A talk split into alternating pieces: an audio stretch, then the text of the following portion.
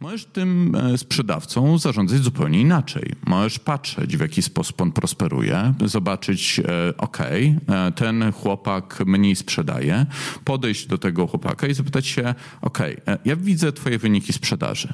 Widzę, że one są niższe niż w zespole. Powiedz mi proszę, dlaczego tak się dzieje? Znaczy, co, e, jakie masz problemy? To jest taki styl trochę mentorski, znaczy podejścia no do tak. E, pracownika i próby odpowiedzi na jego indywidualne pytania. Możesz też e, być dla tego pracownika liderem i pokazać, ok, zobaczcie, ja to robię w ten sposób, a ja w ten sposób rozmawiam z klientem, dzięki temu nawiązujemy lepszą relację. Jeżeli potrzebujecie jakiegokolwiek macie jakiś, jakikolwiek problem, potrzebujecie jakiejkolwiek pomocy, przyjdźcie do mnie. Ja wam pomogę, mhm. postaram się coś zrobić. Możesz y, też zupełnie w dwóch różnych kierunkach prowadzić z tym e, człowiekiem komunikację.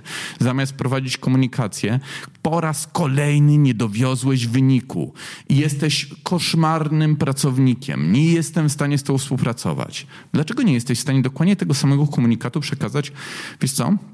Bardzo mi się podoba to, to, to i to u ciebie, ale to, to i to mógłbyś robić lepiej. No powiedzcie mi, że gdy, gdyby przyszedł do was wuj, wasz szef i powiedział wam, a bardzo mi się podoba to, co robisz, ale to możesz robić lepiej. Czy to nie brzmi lepiej niż e, te rzeczy robisz fatalnie, a to musisz poprawić?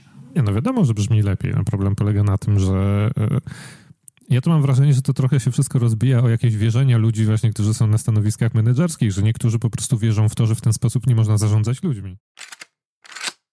To była zapowiedź odcinka, który w całości usłyszysz w najbliższy poniedziałek.